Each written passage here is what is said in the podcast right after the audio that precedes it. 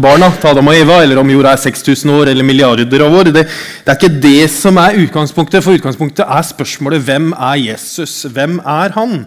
Og hvem er han? Og Det snakka vi om første søndagen. Eh, og så Søndagen etter så snakka vi om Jesus og synd og sånn. Eh, og Vi så da at Jesus redefinerer eh, spørsmålet om hva synd egentlig er. Fordi det Jesus sier, er at synd er ikke bare det å bryte Guds regler. Ja, det er også det. Men synd er først og fremst å sette seg selv i Guds sted som herre, frelser og dommer over seg selv, overfor andre overfor Gud. Og så så vi på en kjent historie fra Nytestamentet som heter 'Den bortkomne sønn'. Eh, og så hadde vi fokus på hans sønn som ble hjemme, som, som var egentlig den personen i den historien som, Jesus, eh, som var viktigst for Jesus å få frem. For de som satt og lytta, som var fariseere og skriftlærde, bl.a. De eh, eh, Hva heter det? Ikke illustrerte seg, men de på en måte de, de Hva heter dette? identifiserte seg med den gruppa. Forrige søndag så snakka Torbjørn Glenna om korset. Eh, hva betyr korset? Hva slags historikk ligger bak korset? Hva betyr det for oss i dag? Eh, så er det viktig for meg å si at eh, Når vi snakker om korset eller når vi snakker om andre ting i teologien, så er det alltid ulike måter å se ting på. Eh, og for dere som har åpna vårt land de siste månedene, så har det vært mye debatt om noe som heter forsoningen, og synet på forsoningen. Eh, og synet på hva, eh, på hva som ligger i det. Og Derfor så er det lov å være enig i det vi snakker om her. selvfølgelig. Det er lov å være uenig, det er lov å bli provosert. Og det er lov å la seg utfordre. For det er sånn at I denne serien så vil du mest sannsynligvis høre noe som du har hørt før. Og så kan det godt hende at du hører noe du ikke har hørt før.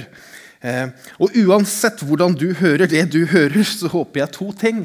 Og Det ene er at du kommer igjen søndagen etter, fordi denne serien henger sammen. Det er syv ganger, nå er vi liksom i midten. Eh, så jeg håper du kommer igjen. Og hvis du ikke kommer igjen, så kan du høre på talene våre som ligger ute på skienmisjonskirke.no. Eh, og det andre som jeg håper, er at du tar deg tid til å undre deg om de tingene vi snakker om. Både for deg selv, men også i eh, gruppene våre. For det er jo gjennom å undre seg, gjennom å stille spørsmål, gjennom å eh, ja, finne ut og tenke liksom, hva betyr dette. Det er jo da vi vokser som mennesker, og det er da vi modnes i tro. Både ja, som voksne mennesker. Derfor kommer ikke jeg nødvendigvis til å gi deg sånne ferdigtygde svar.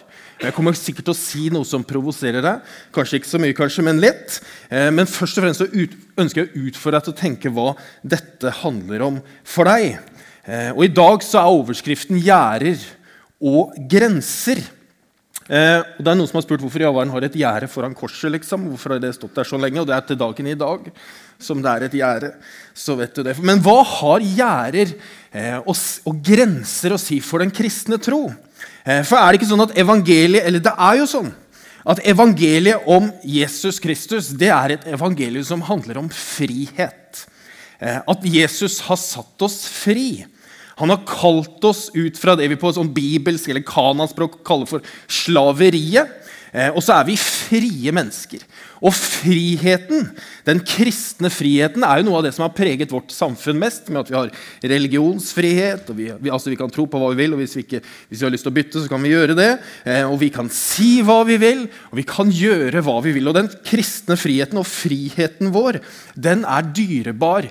Ikke fordi den kommer fra oss, men fordi den er gitt oss av Gud. Altså at det er Gud som har gitt oss friheten vår. Så det betyr at i kristen tro så trenger du ikke være bundet av noe. Fordi Guds kjærlighet i Kristus Jesus gjennom Hans nåde har satt oss i frihet. Og denne friheten er kobla på Guds kjærlighet. Så langt er det jo så enkelt og så bra. Gud har kalt oss til frihet.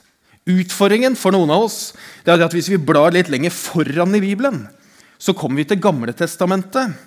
Eh, og der ser vi noe utfordrende. For det handler ikke bare om frihet. Eh, snarere tvert imot, egentlig. Det er jo så mye lover og regler. Det er jo 600 lover og forskrifter i Gamle testamentet. Over det. Og De mest kjente lovene er de ti bud, og de finner du i andre Mosebok. hvis du lurte. Og så kan man jo lure på hvorfor er det så mange lover og forskrifter. Hvorfor er det det? Er det en hensikt bak? Hva var poenget, liksom? Eh, og så skal det sies at Når jeg skal si noe om dette på fem minutter, for dette er liksom innledningen, så gjør jeg dette eh, stoffet her da, litt urettferdig. fordi det er jo skrevet hyllemeter. Du kunne sikkert gått opp til månen på alle de bøkene som er skrevet om, om dette temaet. Eh, så det kan hende at jeg har plukka ut noe som du tenker det er jo bare helt Hvorfor har jeg ut det? Og så kan du tenke hvorfor har du ikke sagt noe om det? Men så tenker jeg da kan du jo snakke om det i smågruppa di. Er ikke det fint? Det er veldig kjekt for meg, for da kan jeg si hva jeg vil. Så kan jeg si bare at jeg skal snakke om de smågruppene. Men er, hvorfor så mange lover? Jo, Det første og det mest innlysende er jo det at Israel skulle bli en nasjon. Det var jo sånn at Israel hadde vært i slaveri i Egypt i 400 år. Så ble de fri fra farao, og så skulle de inn i det lovede landet sammen med Josva. Eh, og og den, da, da, var det jo så mange at de var en nasjon, men de hadde ikke noe eget land. før de kom dit. Og når de skulle ha et eget land, så måtte de jo ha noen lover. Og de lovene hadde de ikke, og derfor ga Gud dem lovene de måtte følge. Det er jo egentlig helt logisk. Og Derfor er det jo så mange rare lover. Så du tenker, hvor, altså, på veldig detaljnivå, men så tenker jeg, Hvis du leser Norges lover, så er det mye rare lover der òg. Men Moselovene er jo gitt da helt konkret til en historisk kontekst. Nemlig at til Israel, som skulle være Guds utvalgte folk, og som skulle bli en nasjon, eller de var Guds utvalgte folk. Og så sier Gud til Moses at dere skal være hellige, for jeg er Herren deres Gud. Jeg, Herren deres Gud, er hellig. Altså Loven ble gitt for at de skulle bli en nasjon, og så skulle de bli gitt for at de skulle være hellige og et hellig folk. Og når man leser, spesielt Hvis du leser i ti bud, eh, så, så, står det jo ikke altså det, eh, Der påbyr jo ikke Gud hva som skal til for at Israel skulle bli Guds folk. Men det, det står skrevet hva som, eh, hva som, opp, som, opphever den tilhørigheten. Hvis du leser i Tibus, så står det 'du skal ikke'. Du skal ikke. Du skal ikke, Og så står det noen få med 'du skal', bl.a. hedre din far og din mor. Fordi de reglene og lovene som Gud hadde gitt israelsfolket, de var ikke en forutsetning for deres relasjon med ham, for den var allerede klar. Men de var en bekreftelse på at Israel var Guds folk. Det tredje er at den skulle verne folkets relasjon til Gud. Altså Den skulle beskytte dem. Den skulle beskytte israelsfolket. Og beskytte dem mot fiender, men også mot det som man kan kalle for hedensk urenhet. Altså de som ikke var jøder, var hedninger, og den skulle beskytte dem mot urenheten fra dem. Og så skulle den vise folket hvordan de skulle leve, leve livet sitt. Altså hva som var gode leveregler Eh, fordi de skulle være hellige, og hvordan de da skulle leve et rett liv. I en bok som heter eh, Salmos ordspråk, og i Forkynneboken så skrives det, eller formidles loven som den sanne visdom og fornuft. Altså Det å holde lovene ble sett på som, egentlig som sann fornuft. Og så står det om at loven den er evig, den er preeksistent. Det betyr at den er før alle tider. Den er utenfor tid og rom. Den gjelder alltid, og den er et evig uttrykk for Guds vilje. Dette er veldig kort oppsummert. Og kunne sagt masse mer. Og hvis dere hadde visst hvor mye jeg hadde kutta i manus, så Ja. Så, men, så dette er på en måte hovedpunkter i hensikten med lovene. Men så Jesus han snakker jo ofte om lovene og profetene. Han sier, 'Tro ikke at jeg er kommet for å oppheve loven eller profetene.' 'Jeg er ikke kommet for å oppheve, men for å oppfylle.' Han skulle oppfylle loven. Han oppheva den ikke. Og Når Jesus får flere spørsmål fra disiplene som lurer på men hva med det da, hva med matregler, hva med renselsesreglene, og hva med dette, og er det relevant for oss, så sier han ikke noe av det som kommer inn i mennesket utenfra, kan gjøre det urent. Nei, det er det som går ut fra mennesket, som gjør mennesket urent. Og så sier han om noen har ører å, å høre med, så hør. Jesus fokuserer på det som kommer fra hjertet vårt. Altså hjertets motiver. Og da handler det ikke om ytre renhetsregler eller matregler. For hvis man tenker at det bare handler om ytre regler, så sier Jesus at da bommer du fullstendig med hensikten bak loven. Samtidig så henger jo disse sammen. sant? At De tingene vi gjør i vårt ytre, eh, det henger jo sammen med det som kommer fra vårt indre, og det, og det går jo begge veier. Men det er først og fremst vårt indre liv som disse renhetsreglene i Gamle Testamentet peker mot. Og så sier jo vi av og til at vi må komme i kontakt med vårt indre liv. Vårt indre kompass, vårt indre jeg. Kjenn hva som ligger i hjertet ditt. Og det skal vi jo beskytte, for livet går ut fra det. Og så tenker jeg, Men hvis vi leter virkelig inni hjertet vårt, hvor fint er det vi som kommer på bunn der? liksom? Av egoisme og misunnelse og motstridelser i det vi står i, og begjær. og hva finner vi hvis vi leter i vårt indre? Jeg tenker at Av og til det å søke etter svaret vårt i vårt indre og i vårt indre liv er kanskje det dårligste tipset du kan få. Det er en bok i Gamle Testamentet som heter Dommernes bok. Og Der står det en historie om en mann som vi skal se på nå. Men hva er Dommernes bok? Dommernes bok det handler da om perioden eh, mellom 1380 før Kristus, hvor Josva regjerte, og fram til år 1070 før Kristus. Altså det er en periode på 310 år i Israels historie. Og Så starter boken om dommerne med at det er en mann som heter Josva, som dør. Jeg har sagt noe om Josva, men det var jo Josva overtok jo etter Moses, for Moses kom ikke inn i det lovede land. og Da var det jo Josva som tok over og førte de inn. og Han satte opp landet og delte det opp i Israels tolv stammer og innførte lovene. og Alt så veldig bra ut. Eh, alt så ut til å gå veldig bra.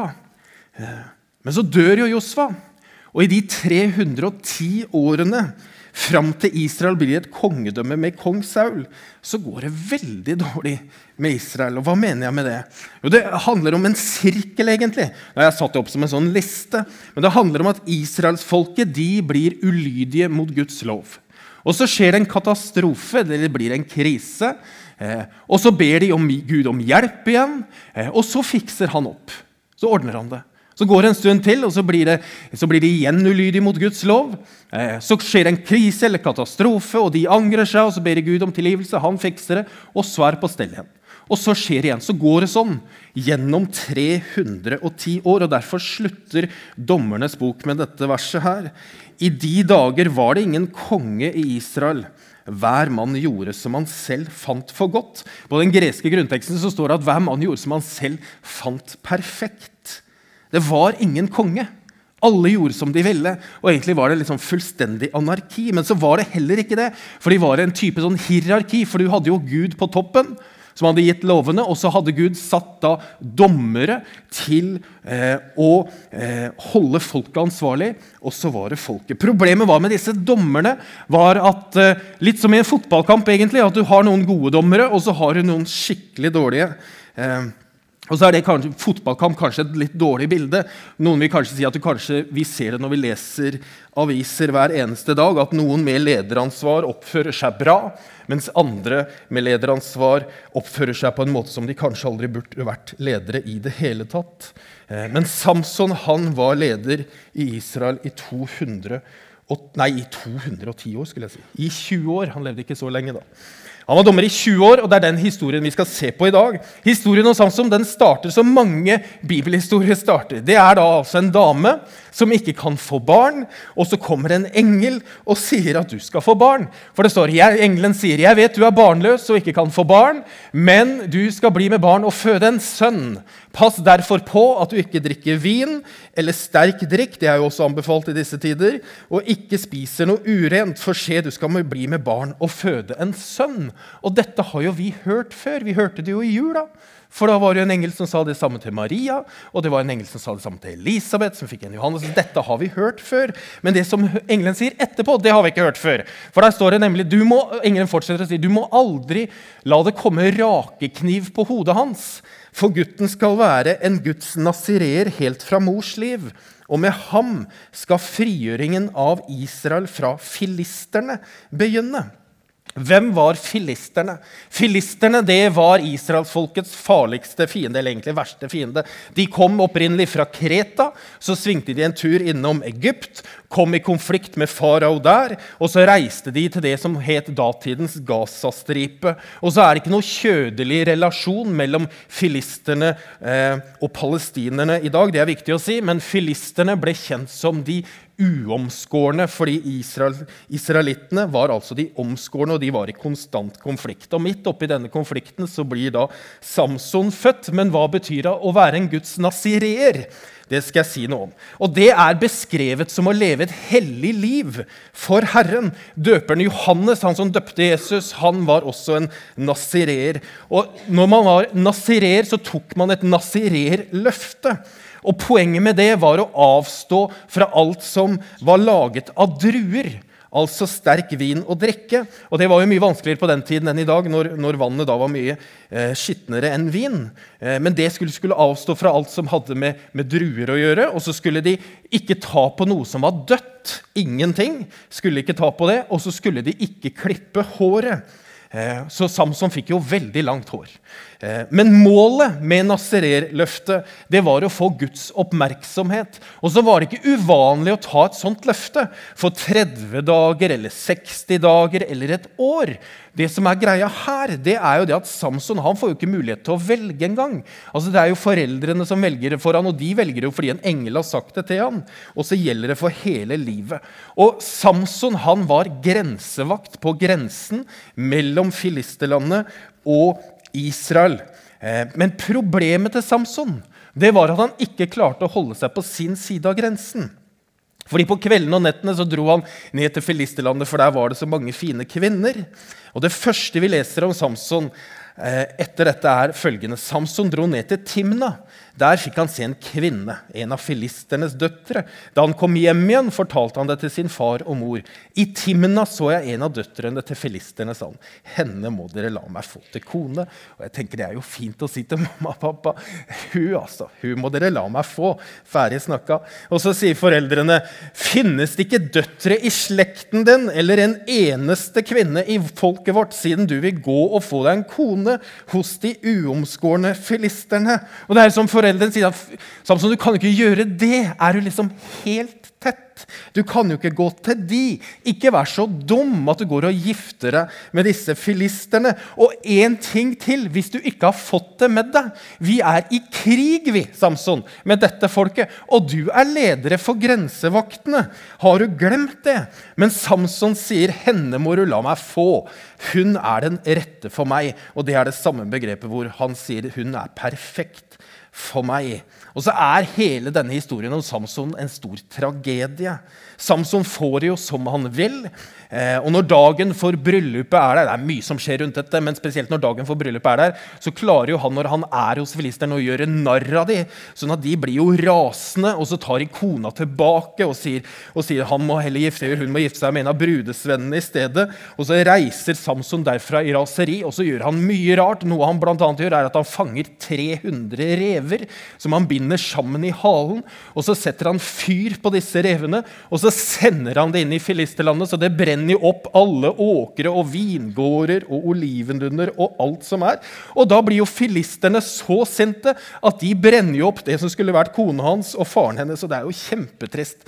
Hvis du leser Dommernes bok, så er det kjempemye sånne jeg vet ikke om jeg kan si artige historier, men det er mye spennende som skjer. Og På et tidspunkt så dreper han 30 mann med hendene liksom, nede ved en innsjø. Han dreper 1000 mann med et kjevebein som han har fått av et esel.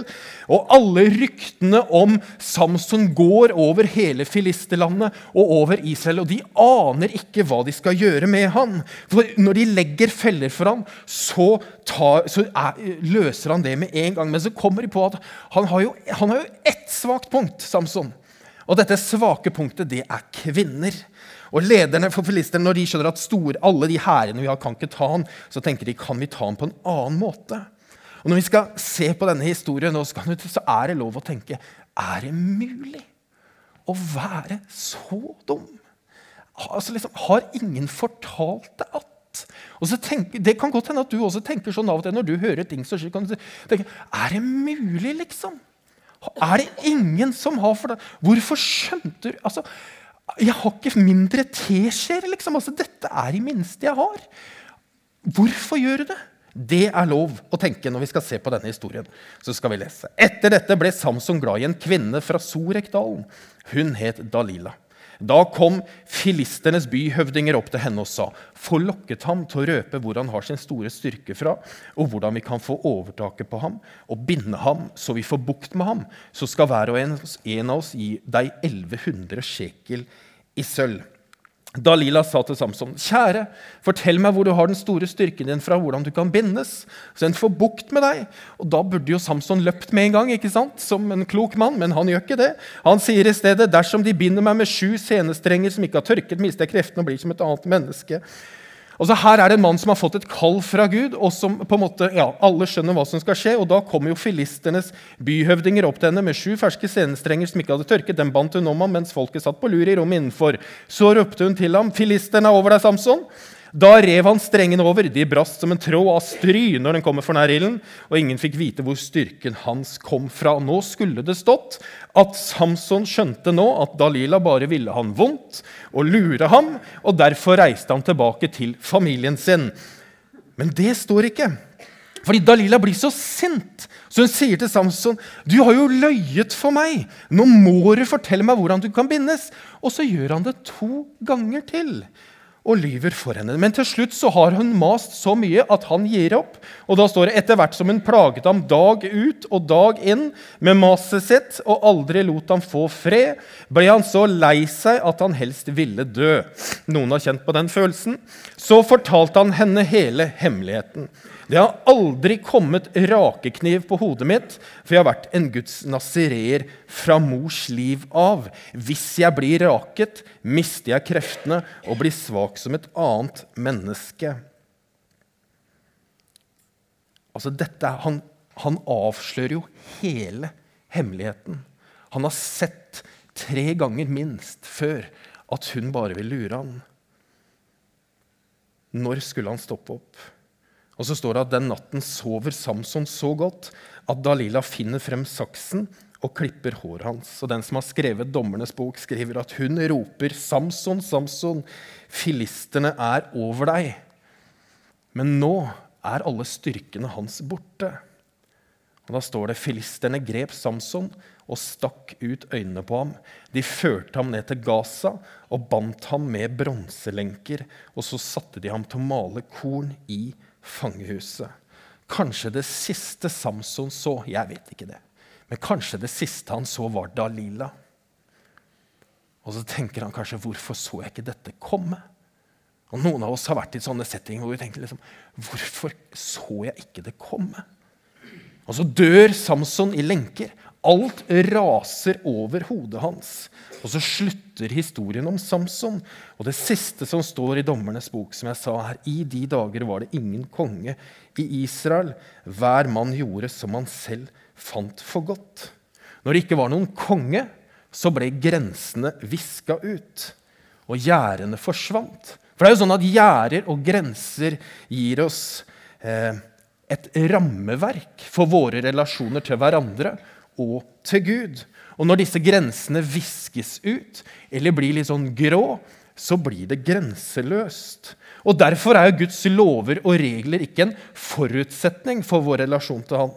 Men de er jo en bekreftelse på det, nettopp fordi de gir oss gode rammebetingelser. Og Når vi leser historien om Samson, så er jo den bare trist, selv om vi kan le.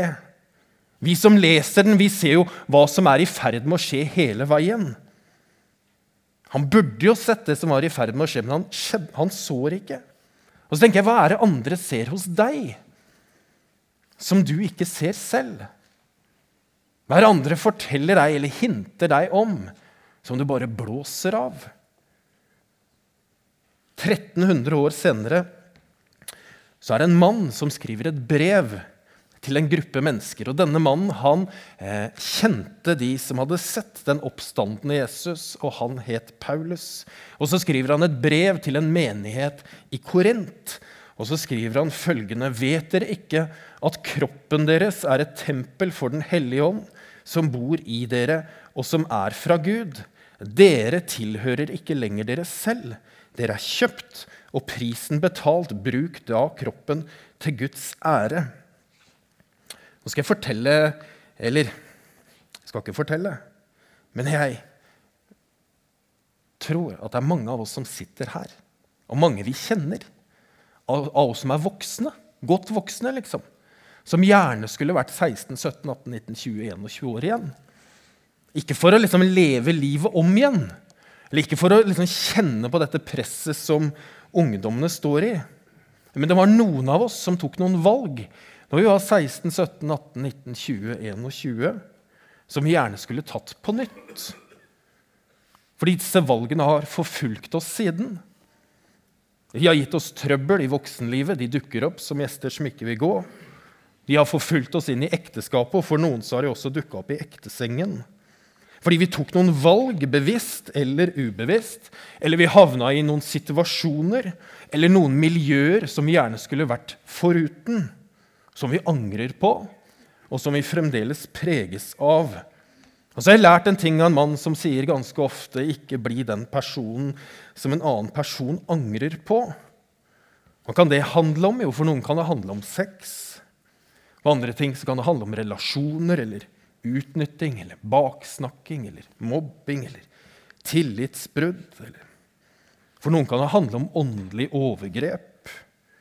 Fordi at i et mindre fellesskap, uten noen å rapportere til, eller noen som står på utsiden, litt som dommernes bok når de ikke hadde noen konge så tenker jeg Hvis du er i et miljø hvor, som ikke har noe input eller innblikk fra et storsamfunn rundt deg, så vil jeg anbefale deg å tenke nøye over om det er der du skal bli, være, bli værende.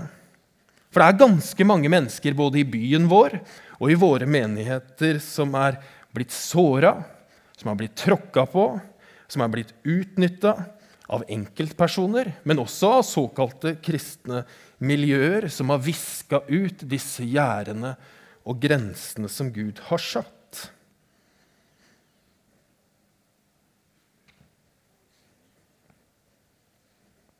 Og akkurat som Gud har gitt oss gaver og talenter, egenskaper og kunnskap og gode ting som vi kan ære Gud med, så har han også gitt oss en kropp som vi kan ære Gud med. Og så har han satt noen grenser som er for å hjelpe oss. Fordi Paulus skriver at kroppen vår er som et tempel. Det er et tempel hvor Den hellige ånd bor. Et hjem. Så ta vare på kroppen din. Beskytt den, vedlikehold den, bruk den, og vern den. Og så kan vi også gi den til Gud. Jeg nærmer meg slutten, men jeg lurer på en ting. Og det er hvordan det står til med oss. Om vi er der som israelsfolket var, at i de dager var det ingen konge i Israel. Hver mann gjorde som han selv fant for godt.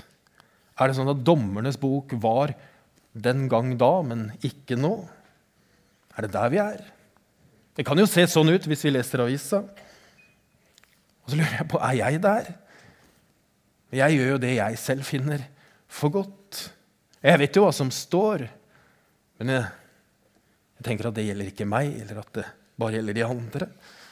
Fordi det er jo sånn at Nåden er nok for meg. Den er ny hver en morgen. Og jeg er blitt frelst og blitt satt i himmelen med Han. Ja, det er jeg. Halleluja. Men av og til så lurer jeg på om vi bruker nåden som en sånn, sånn en som heter Dietrich Bonhoeffer. Han snakker om en billig nåde. Altså som en unnskyldning for ikke å ta Guds ord på alvor. Og så lurer jeg på av og til har vi misforstått, liksom.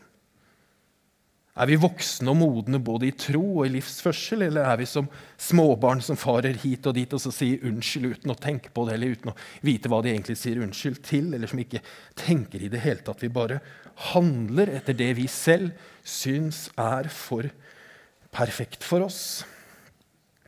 I Galaterbrevet 5 så skriver Paulus at dere søsken er kalt til frihet.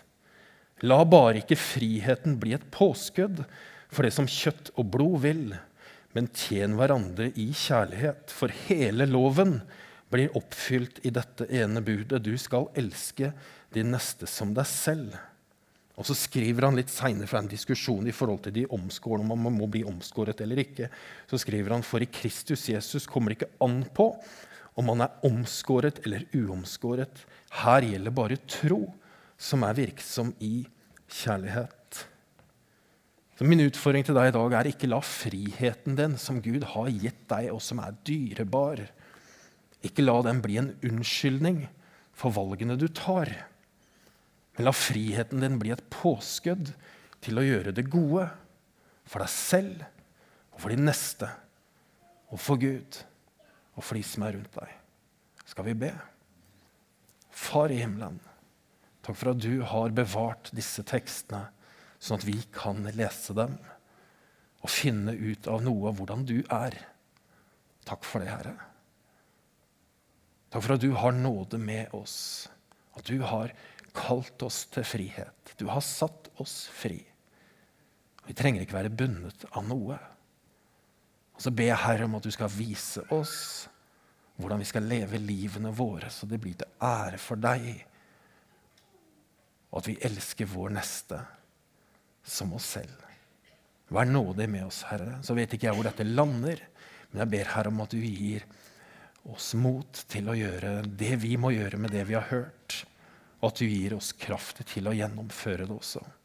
Det ber jeg om. Vi ber i Jesu navn. Amen.